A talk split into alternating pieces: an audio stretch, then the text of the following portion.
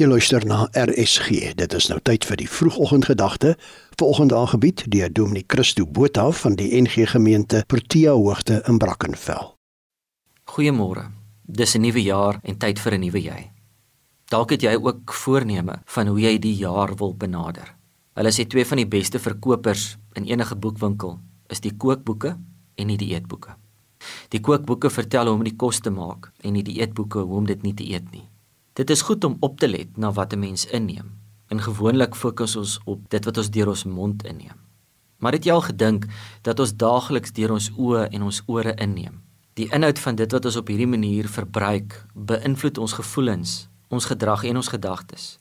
Dalk kan die beeld van watter petrol jy in jou voertuig gooi jou help. Meeste van ons sou tog die skoonste petrol wil hê vir ons voertuig.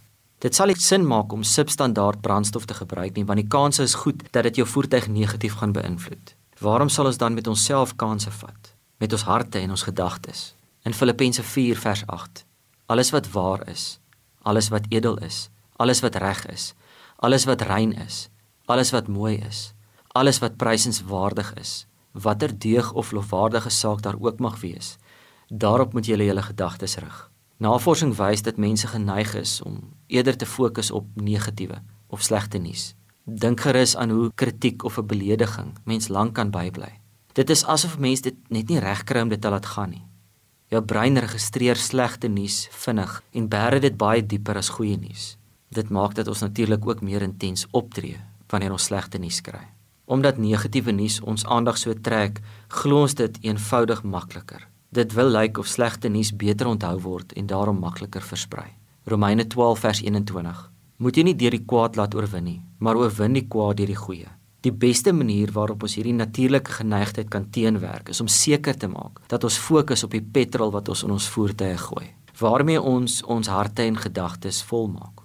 Ons kan kies na wie ons luister. Ons kan kies waarop ons fokus, dat dit goed en positief is.